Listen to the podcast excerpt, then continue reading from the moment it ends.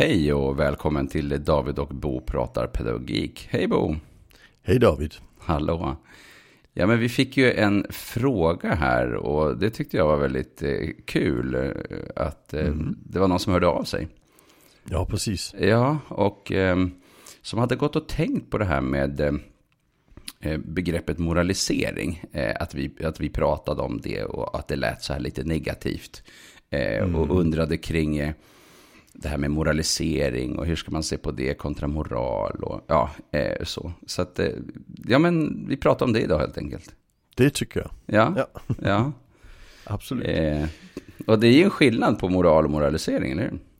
Ja, alltså, moral är ju, det är ju något vi, vi förhåller oss till, något som finns i samhället. Och, Ja. Alltså, det, etik och moral är ju, det är ju, alltså definitionsmässigt i filosofin är det ungefär samma sak. Ja, etik och moral, ja, precis. Ja. Mm. Så det, handl- det handlar ju om att vad är det som, alltså vi brukar säga vad är det för principer som jag tar till när jag inte riktigt vet vad jag ska göra. Ja, Sen låter vi några principer guida oss. Det är väl definitionen på, på etik och moral. Mm. Och den klassiska sån där moraliska eller etiska, eh, vad ska vi säga, grunden, det, det är ju den som kallas gyllene regeln. Mm. Alltså, som finns i, i alla kulturer och religioner, gör mot andra som du vill att de ska göra mot dig. just det. Och det är ju en sån princip som, har, har man den princip så klarar man sig ju väldigt långt Mm. kan vi säga. Sen har det ju visat sig att det räcker inte hela vägen. Det är väldigt svårt att hantera tvångsvård och, och Mm. dödshjälp, aktiv dödshjälp och så utifrån gyllene regeln. Så där behöver vi kanske lite större principer. Ja, precis. Eh, och det har ju då etiker och, och, och, och filosofer bråkat om i, i tusen år. Hur ska vi då Ja. göra? Ja, eh, och, och det, det är vad det är. Det, det har inte så mycket med det vi sysslar med. Men den här grundläggande etiska grunden, alltså gör mot andra som vi vill att du vill att de ska göra mot dig. Det är väl ganska mycket basen för det vi, vi två sysslar med, eller hur? Ja, men absolut. Och, och, där kommer det in också eh, det här tanken om liksom den mänskliga moralutvecklingen och hur den har, hur den har liksom, eh, eller hur vi har präglats på ett, ett förhållningssätt som, som är betydelsefullt. Jag tänker på Tomasello där som, som vi brukar återkomma till ibland. Ja, precis. Och, och det är ju egentligen, alltså, när, när vi ska lyfta det över till moralisering, det är ju där det blir spännande. Och Ja. även med Tomasello, ja. För Tomasello han säger ju att, att alltså, mänskliga eh, utvecklingshistorien, där har moral blivit en del av vårt eh, överlevnadskit, så att säga. Mm. Alltså människan överlever bäst när vi samarbetar. Och för att kunna samarbeta så behöver vi lite system för samarbetet och regler för samarbetet. Eh, Och där lägger han då moralen in. Och han säger då att, att vi har den ena som vi kan kalla etiken, eh, ena principen och den principen det är att vi tar hand om den svaga. Just det. Och, Och sen det var har ju vi, helt, helt, helt nödvändigt tänker jag också i, om man Ja. tänker sig liksom man bor på savannen, mänskligheten. eh, ja, ja alltså jäg, jägare samlar i, i hela Ja. världen liksom. Alltså vi måste ta hand om den svaga. Eh, Och det är inte bara för det att vi ska ta hand om den svaga. Det är ju det att vi allihopa kan bli svaga. Ja, precis. Så det är en, en, en grundläggande princip som blir oerhört viktig för, att, för överlevnaden helt enkelt. Jag får flockens överlevnad. Mm, Eh, Själva ja. överlever vi inte. Och sen finns det en princip till säger Tomasello. Och det är den att för att vara kvar i flocken måste du uppföra dig. Mm. Och det är ju där vi fortfarande har både moral och moralisering. Mm. Så vill jag säga det. Eh, för, för moralen i det, det är ju att jag måste uppföra mig. För om jag ska vara en del av flocken. Jag måste följa reglerna i trafiken om inte jag ska bli av med mitt körkort till exempel. Ja, mm. Det, det är ju inget konstigt liksom. Och det, det håller vi ju fortfarande inom moralen kan vi säga. Mm. Moraliseringen det är när jag börjar tycka något om andras. Ja precis. Alltså, och det- det- när andra liksom- beter sig på ett sätt som vi själva inte tycker är eh, okej eller som vi, som vi reagerar negativt på. Ja och sen, alltså, och sen utesluter den personen från gemenskapen. Mm. Eh, Även om vi kanske inte har makten så skulle vi vilja det. Mm. Och, och moralisera kan man göra över allt möjligt. Och väl de klassiska moraliseringar det är äldre där moraliserar över ungdomars beteende och så vidare. Ja, det har väl funnits i alla tider. I alla tider, ja. Precis. Eh, Mm. som, som man kan säga, där, där, vi, där vi kan skilja dem, det är att moralen handlar primärt om hur gör jag? Mm. Och moraliseringen handlar om att hur gör du? Ja, det är inte lika ofta vi kanske moraliserar över oss själva. Nej, det, det, det, blir inte riktigt, det blir inte riktigt moralisering. Nej. Och sen kan vi säga i, i den här äh, pedagogiska ramen du och jag snackar i, då, då blir det ju att moralisering, det är när vi liksom ser ett beteende hos en elev eller liknande. Mm. Och, och sen säger vi, han borde inte göra på det viset. Mm. Den, den jäveln. Mm, precis, det är fel. Det här är inte Ja. bra, det här är Ja, dåligt. Och det som blir problemet där, det är ju att vi inte kan göra någonting åt det. Mm, mm, Alltså, om, om vi istället hade sagt, han gör sitt bästa. Och det här det blev inte bra, för han är ingen vidare duktig. mm, Då måste vi ta reda på hur vi ska göra för att få saker och ting att funka. Men Mm. i det ögonblicket vi säger, han gör fel och han borde ändra sig. Mm. Annars får han inte vara med. Då blir det en moralisering och det blir ju ett sätt att, att sabba den pedagogiska ramen så att säga. Mm. Och det här det bygger ju såklart inte på, på ingenting. Utan vi har ju jättemycket forskning som just tittar på detta eh, i lite olika former eh, kan vi säga. Eh, jag såg en metastudie just nu kring föräldraskap. Den hade faktiskt 1300 god, alltså bra studier. Oj, det Som var hade otroligt stor. Enormt stor. Mm. De hade hittat 4500 studier som hade Oj, tittat oj. som hade tittat just på det här med när, när moraliserar vi och när, när, när tänker vi etik. Ja. Eh, och, och de 1300 uppfyllde kriterierna på kvalitet. Mm. Det är liksom, det är liksom, alltså, Det är oerhört stor mängd.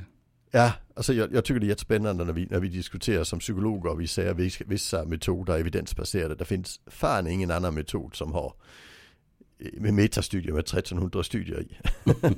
Nej, det är väldigt stort.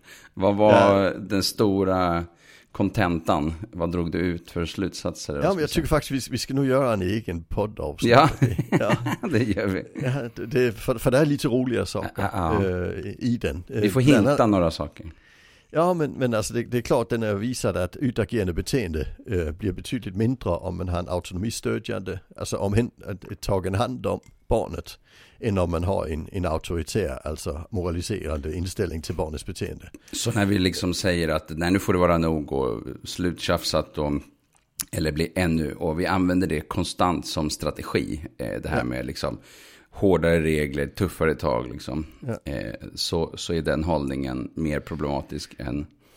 Ja, Eh, det än blir mer har- utagerande beteende. Ja. Mm. Eh, Det, det som är lite spännande det är att, att de, de har delat upp det så att de säger att alltså reglerna måste finnas. Mm, Eh, Så, så om, alltså de, de säger att det bästa det är att vi har fungerande regler. mm, Och sen när de bryts att vi då blir autonomistödjande istället för konsekventa och, och konsekvensorienterade. Att vi försöker titta på det, prata om det, försöker hitta anpassningar, eh, Med, med värme. m- möta, ja men precis ja. Mm. Ja, och värme är en av de faktorer de mäter på också. Ja. Mm. Och där, där kan de tydligt se att det, där får vi det bästa eh, eh, när det kommer till just utagerande beteendet och det de tittade på. Sen är det lite, lite nyanser men de får vi ta. Alltså det, det, till exempel är det så att när, när barnen beskriver att föräldrarna är hårda, Mm. då, då, då korrelerar det med utagerande beteende. Mm. När för, men inte när föräldrarna beskriver det. Nej, när, Så det är när- barnens egen upplevelse som är viktigare egentligen? Ja fast bara när det gäller uh, hårdhet. När det gäller Ja, det. eh, den Mm. andra delen, värmen och autonomistödet. Där är det när föräldrarna beskriver det. Att det korrelerar positivt med, med barnets beteende. Så att ju, det blir alltså mindre uh, utagerande beteende när föräldrar beskriver det. Men inte när barnet beskriver det. Nej, ja, vad spännande. Och, och, och det, det är ju sånt man kan börja, det är sånt jag tycker är jätteroligt. För Mm. det, det måste ju betyda att de barn som, som faktiskt utsätts för auktoritär fostran. De på något vis måste övertygas om att deras föräldrar är snälla ändå. Ja, att, att man Att måste, att, för- att de helt för- enkelt behöver ännu mera bekräftelse på att, att de faktiskt är det, eller? Nej men de låtsas att de är det. Ja, du menar så. Mm. Ja, för annars går det inte att överleva liksom. Mm, Det, ja, mm. Men det, det är ju bara en hypotes. Men, Ja, men det är en det. spännande studie, den kan vi Ja, vi ska titta på. återkomma till den. Ja, den, den kom nyss. Ja.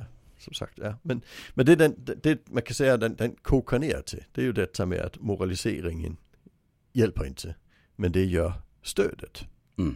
Och nu pratar Alltså- vi egentligen också om de som har det tuffast, alltså de här som återkommande misslyckas och får det tufft i vardagen. För att i, i vardagslag så finns det ju alltid någon slags kultur i, i, i någon bemärkelse som upprätthålls utav bland annat att man tycker att vissa saker är okej och vissa saker är inte okej. Och i det har man ju en slags moraliserande. Eh, ja, men, men alltså frågan är vad du gör med det. Alltså Ja, det blir ju, precis. för det, moral är bra, moralisering är inte lika bra. Mm. Så är det så vi har regler och det är så man gör här. Det är jättebra. Eh, men sen när regeln inte räcker till, när barnet bryter regeln, då måste vi då förhålla oss till hur vi gör. Och väljer vi då att säga att du ska fan följa regeln, annars, Mm. ja då blir det inte bra. Nej, för det är en moralisering. Mm. Ja. Men då går du istället in och säger, oj han följde inte regeln, varför gjorde han inte det, hur kan vi då tänka? Mm. Alltså, då, då går vi ju inte i moraliseringsfällan så att säga. Moraliseringsfällan vill jag definiera som att det, det är när vi liksom säger, alltså tänker att han borde inte göra detta och han, han kan låta bli. Och det är för jävligt att han gör det och då får han skylla sig själv. Mm, just det, precis. Mm. Och som att vi också utgår ifrån att han eller hon har kapaciteten och möjligheten att göra annorlunda. Ja, alltså i Thomas Hellos tänkande där använder vi ju bara det tänket. I det ögonblick vi inte tror att personen kan rå för det, då går vi ju in och blir etiska istället.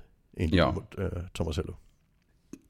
Det här är ju väldigt eh, eh, spännande för att vi har ju jobbat så mycket i just de här verksamheterna där vi har att göra med barn och ungdomar, men också vuxna, eh, som ingår i ett system, tänker jag. Alltså en skola, en förskola, ett fritidshem, LSS-verksamhet, boende eh, eller andra verksamheter. Och, och i alla system så skapar man ofta sina regler.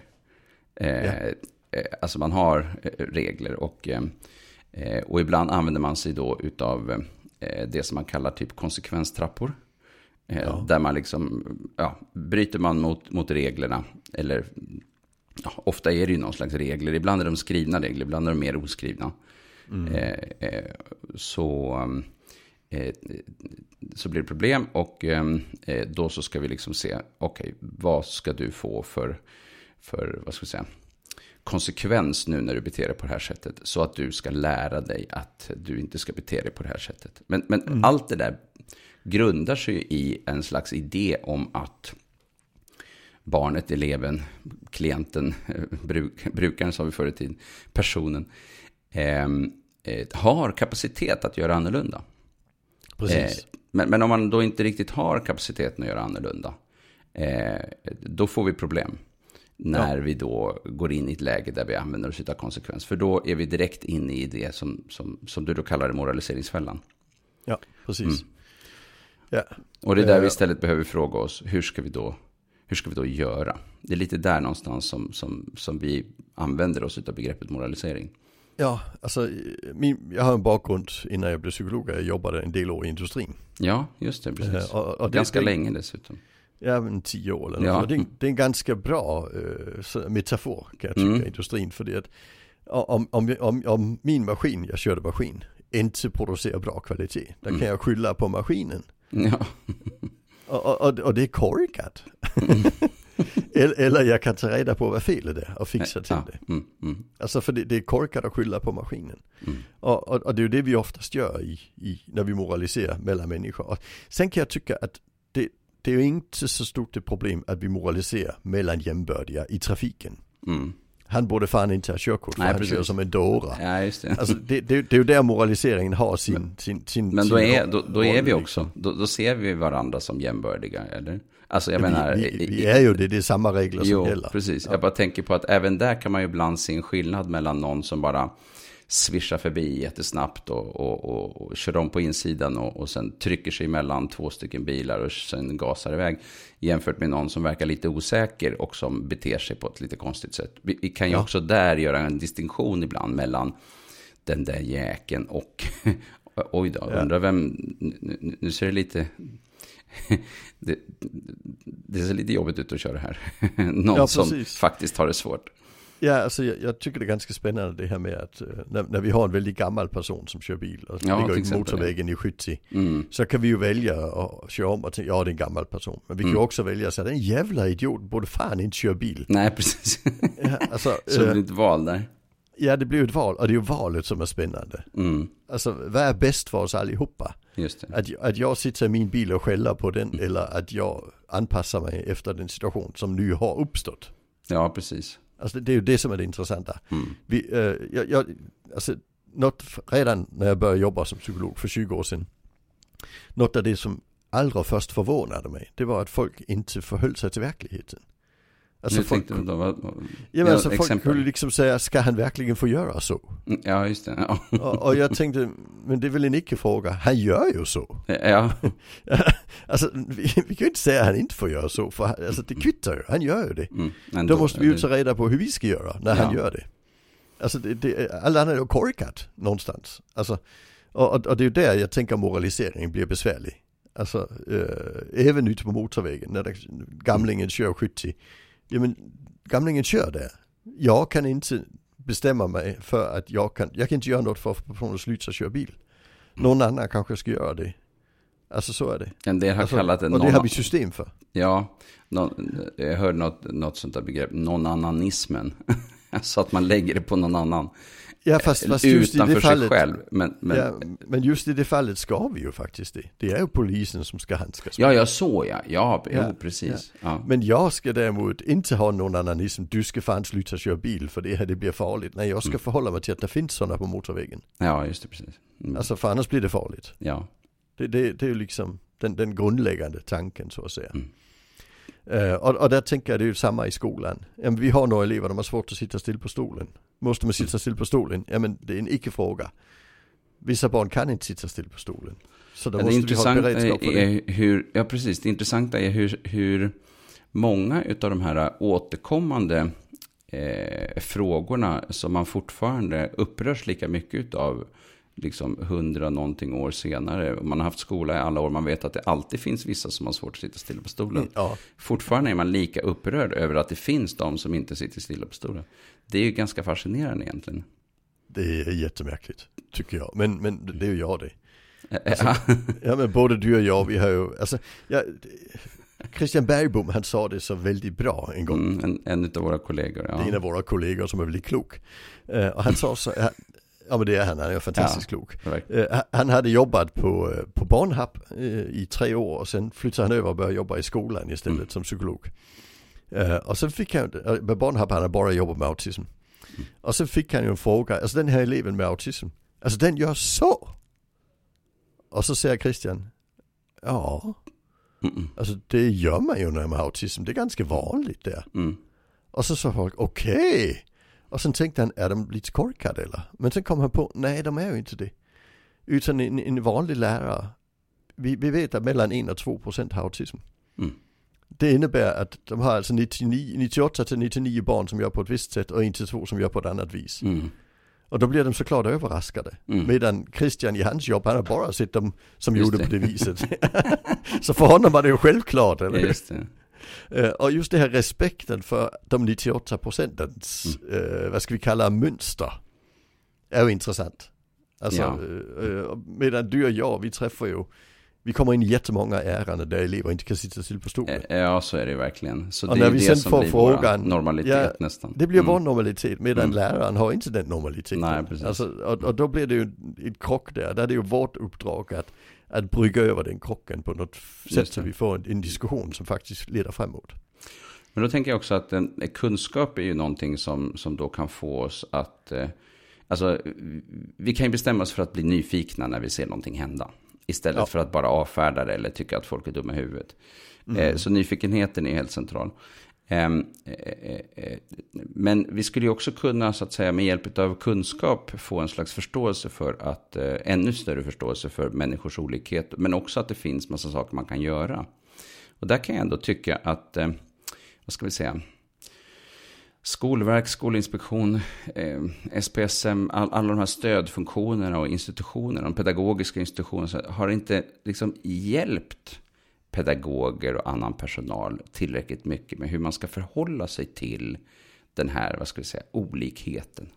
Även en sån verksamhet som SPSM som ändå jobbar med det hela tiden eh, propagerar ju förstås nyfikenhet, men eh, väldigt lite handlar om exakt vad kan man göra, till exempel med barn som har svårt att sitta på stolen.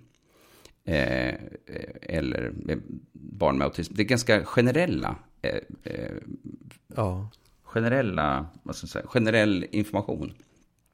Ja, och, och, och det blir väl så. Alltså, vi, Och alldeles för lite forskning, det är också det som jag tänker. Alltså att vi Ja. forskar inte så mycket på hur, hur ska vi nå de här eh, eleverna. Det är ju egentligen en special, man kan ju tänka sig att det är en specialpedagogisk fråga, en specialpedagogisk forskning. Men det är ju inte jättemycket forskning som handlar om eh, så här så här kan man göra så blir det bättre. Nej, det finns väldigt, väldigt lite. Extremt alltså, lite. När, när, jag pratar om de här 1300 studierna i metaanalysen. Mm. Där har de ju också varit inne och tittat på några stora kategorier. Alltså ja. är du autonomistödjande eller är du auktoritär? Mm. Det är ju sådana saker de tittar på. Så, så själva vad du rent praktiskt gör nere på golvet. Mm. Det, det, det, är ju inte jättemycket forskning kring det. Nej, och det tänker jag är ett jättestort problem. Därför att eh, visst är det så att om, om du så att säga tipsar om någonting kring någon, typ, eh, ja men om du har en elev som har svårt att sitta på stolen så kanske han eller hon behöver röra på sig lite mer. Så varför inte ta ett varv runt skolgården eller använda ett ståbord eller liksom så, eller vad det nu mm. handlar om för någonting. Någonting som får en att röra på sig eller en sån här stol som är som en cykel, du vet alla de här grejerna. Mm. Eh, eh och, samtidigt, och då blir det plötsligt tre olika tips. Eh, men, eh, eh, men de där tipsen, det är ju inte säkert att de funkar för någon annan. Så ska, ska någon slags myndighet gå ut och säga att du kan göra det här eller det här, det här.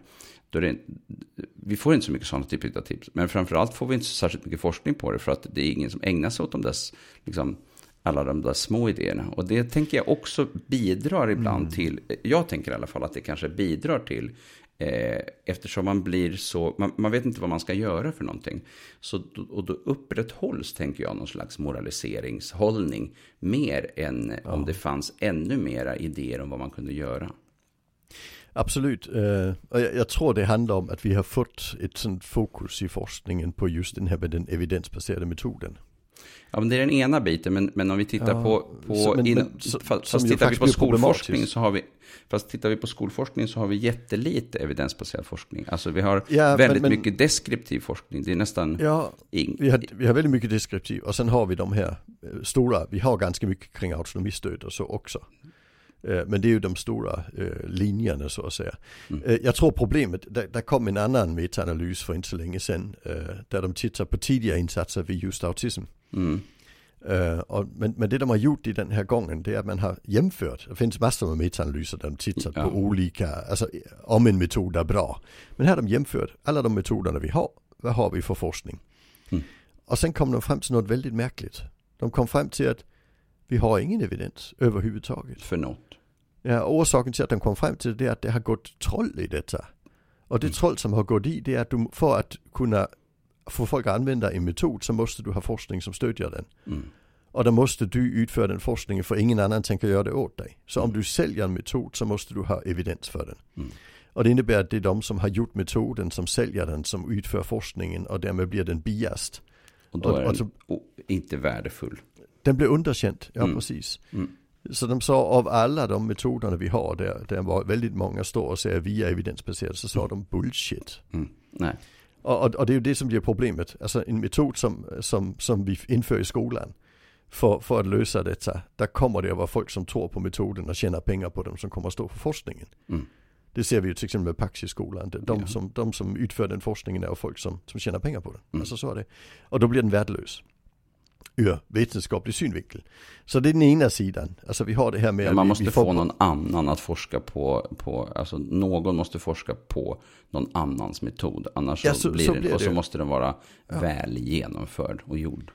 Ja, och, och de, de metoder du snackar om, alltså äh, resa sig, springa runt lite. Ja, så det, är ingen, det är ingen, ingen som tjänar pengar på nej, dem. Så det, nej, och, och det, det, finns ingen forskning kring Ja, nej, kanske det, blir, lite kring rörelse finns det ju för sig när det gäller, gäller ja, men det blir, Ja men, men jo, det, och det finns ju också rörelse för vanliga barn, alltså bunkerflorstudien och så. Men, men det blir ja. inte alls i den nivån eftersom att det, det enda incitamentet vi har för metodforskning idag, alltså effektforskning, det är pengar. Mm. Vil, vilket också sen dödar kvaliteten på forskningen. Så det är ju jättekorkat. Men så inrättar vi människor oss ibland. Ja, och det, det, och det är ett jätte, jätteproblem. Eh, ett, att det är så lite liksom, välgjord, genuin forskning på, på hur man kan jobba. Och det betyder ja. att i grund och botten så landar vi att det finns ju också, eh, alltså inte just evidensbaserad metod enligt den tyngsta kategorin, men det finns också väldigt mycket vad man säga, erfarenhetsbaserad kunskap. Eh, mm. Att det är liksom på något sätt eh, någonstans bättre att eh, lyfta en elev med jämna mellanrum än att ständigt sänka honom eller henne. Ja. Ja, till exempel. Ja, alltså jag tror ju, jag tror, jag tror ju tyvärr vi måste upp i de lite bredare kategorierna. Mm. Alltså, øh, för, och det är därför den, den, den forskning jag tycker är vettig. Det, det är ju det när man går ut och tittar på detta. Vad händer när vi har mer auktoritära? Vad händer när vi har mer belönade? Vad händer när vi har mer autonomistödjande metoder? Mm. För, för, för det man tittar på där, det är att man frågar ju hur jobbar du och hur tänker du? Och sen ser man resultaten. Man går inte in och tränar folk i en metod. Nej, precis. Alltså, och, och då får vi faktiskt bra resultat på det Mm. autonomistödjande och sämre på de metoderna som är mer moraliserande. Just det. Mm. Där kom begreppet in igen. Där kommer det, ja, för det är det vi snackar om, eller hur? Ja. Och, och igen, alltså moraliserande att du kan om du vill och jag ska bara motivera dig. Mm. Där, där blir det en moraliserande grund för metoden liksom. Eh, Och du och jag kommer ju från en specialpedagogisk bakgrund där vi tänker att folk beter sig som de gör fast de gör sitt bästa. Och därför måste vi ta reda på hur vi ska göra och hur vi kan stödja den eleven att klara sig istället. Ja, precis. Och ehm, det betyder ju å andra sidan inte att eh, det är inte möjligt att träna på vissa typer av saker. Ursäkta, jag tänker på ehm, eh, nej men i tidigt skede så kan man behöva lästräning om man har dyslexi eller, eller läs och skrivsvårigheter. Eh, men, men i grund och botten så måste det ändå vara så att det bygger på en, en metodik som gör att personen i fråga vill vara med i det hela. Ja. Eh, Att, att, Alltså, att, att, att tvinga sig till behandling eller förändring, det är liksom, det, vi får inga resultat där. Alltså det, vi har inga studier på metoder där folk inte frivilligt har deltagit. Nej. Alltså, och, då måste, och då är det en pedagogik. Och då måste vi ha en pedagogik för att nå dit. Eh, vi måste Ja. få med oss till exempel eleven eller, eller barnet eller personen i, i förändringen. Annars så funkar det liksom inte. Nej, precis. Och, och, och, men alltså, jag tycker träning är just ett väldigt bra exempel på hur vi kan förhålla oss till det här med moralisering. Mm. Alltså för vi kan välja, alltså, bara om du tänker på träning, fysisk träning. Vi kan moralisera över att en person inte går till gymmet och tar hand om sin kropp. Mm. Och det kommer inte hjälpa någon, eller hur? Nej, inte mycket. Men, men om personen själv säger jag ska ta hand om min kropp, Mm. Då, då blir det ju mer en moraltanke än en moraliseringstanke. Ja, och då kan vi få effekter liksom. Mm. Och, och det är ju samma sak i det pedagogiska arbetet. Alltså, hur, om vi ska ha lästräning så ska det vara hur motiverar vi eleven till detta? Och sen hur gör vi? Inte Ja. att ska fan göra som vi säger. Mm. Nej, men det är ju det någonstans. Och, det, och, och, och där har man lite olika ingångar kan man ju säga också. Fast all, alla som jobbar med träning vet någonstans att man behöver jobba med, med träning på frivillig basis. Kan man tro. Men eh, ibland ser vi exempel på motsatsen. Tyvärr, eh, Mm. ja precis. Och, och det är ju något som är i spel just nu. För vi har ju krav i samhället på samtycke. I alla möjliga sammanhang. Alltså du måste samtycka till din information i alla möjliga sammanhang används och så vidare. Ja, Och, och, och det är ju, det är ju en, en fråga som kommer mer och mer i, i vårt arbete också. Alltså är det faktiskt något vi har samtycke till från den här eleven? just det. Och, och, och vad betyder det samtycket? Och skollagen säger att vi ska arbeta i, i, tillsammans med eleven. Ja, precis. Och så tillsammans i- med familjen. det finns ett krav på att man ska gå till skolan. Eh, Men väl i skolan så ska vi jobba med samtycke. Eller liksom Ja. med att försöka få, snarare med att försöka få med oss eleverna på de olika sakerna. För att, att lära sig saker och ting under tvång. Liksom, nu får du fan sitta här och nu måste du fasen där. Alltså, så här. Eh, Och vara väldigt hård och eh, bestämd. Och, och gör du inte på det här sättet så. Och så konsekvenstrappa på det. Det blir inte så mycket till lärande där. Nej, det blir inte det. Mm. Och igen, där, där har vi Så vi, så vi har ett jättestort behov av att hitta eh, bra sätt att göra saker och ting på. Och där vet vi att det är massa delar i det som är betydelsefull.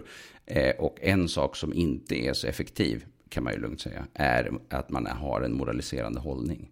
Ja, precis. Mm. Alltså jag, jag brukar säga att pedagogik det är för folk att göra saker de annars inte gjort helt frivilligt. Mm. Alltså, och, och därför kan vi ju inte, det hjälper inte att moralisera. Vi får ta reda på hur vi ska göra jobbet hela Mm. tiden. Mm. Alltså vad, vad är det jag kan göra för att uppnå det som jag tycker är bra.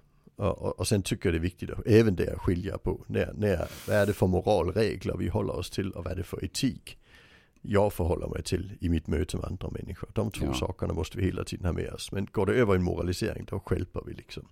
Då blir det problematiskt. Det är också någonting med själva... Eh, man distanserar sig från en person när man moraliserar över honom eller henne. Ja, men det gör man ju. Alltså, Mm. Thomas Ello han säger ju att processen är ju en, en uteslutningsprocess. Mm. Alltså det, det, är, ju, det är ju ett bortstötande. Det. Om du inte beter dig får du inte vara med. Du ska nämna vem Tomasello är nu. eh, Ja, professor. Han är eh, professor emeritus i, i evol- evolutionär antropologi vid Max Planck-institutet i Leipzig. i Leipzig, ja. Och väl kanske den, den största, vad ska vi kalla, utvecklingspsykologen i vår tid. Mm, mm, mm. Skulle vi nog säga. Det har varit några stycken genom tiden men han är väl den som, som fortfarande är levande efter att både Truarthy och, och Daniel Stern inte finns längre. Och vi har ju en jättefin liten bok. Eh, varför vi samarbetar, eller vad heter den? På Någonting svenska, sånt. ja precis, på Daedalus. Ja. Ja. Eh, och den är en liten tunn sak som är väldigt intressant Ja. för den som... Ja, ja, det är en jätterolig bok. Alltså Mm. det, det, om, om, framförallt om man nördar lite på, på forskning. för det att han, han går igenom studierna en efter en och så. Det är jätteroligt. Mm. Och den, den kostar under en hundring. Det, Ja, det, den är så liten och, och, Ja, ja och precis. Mm, mm, Ja, och jag tycker hans, hans arbete är så kul för man förstår barnen. Mm. Alltså han, han forskar på barn upp till tre år liksom. mm. Alltså för, för just att ta reda på vad är det som, vad är det som händer innan vi förstör dem med inlärning. Hur funkar de då? Det är det han sysslar med. Att vi redan har med oss en, en, Ja, en sida utav att, att samarbeta finns redan med i princip nedärvt genetiskt. Det är inte Ja. bara något som är inlärt utan vi har redan en massa. Ja. och det är det spännande med den stora metaanalysen med 1300, över 1300 studier också. Ja. Det är studier från hela världen. Mm. Från Jamaica och från Ki- Kina, Hongkong och USA och England och Mm. Spanien och Tyskland och överallt. Så det, Mm. det, det verkar vara väldigt globalt. Just det. Detta. Det är något, Ja. något som är något med att göra vår I, människa. i, i grund, precis, i grund och botten är vi inte så himla olika varandra. Det, det, det kulturella är lite utav en fernissa kanske. Ja precis. Det, det är några grunder där i botten som är Ja. vi. Mm. Yes. Just det, ska vi avrunda på moraliseringsämnet för idag? Det tycker jag. Ja, Nu kom vi ju ganska bra runt det. ja. det är bra. Det är bra. Då gör vi det. Tack, hej Ja. hej. Hej.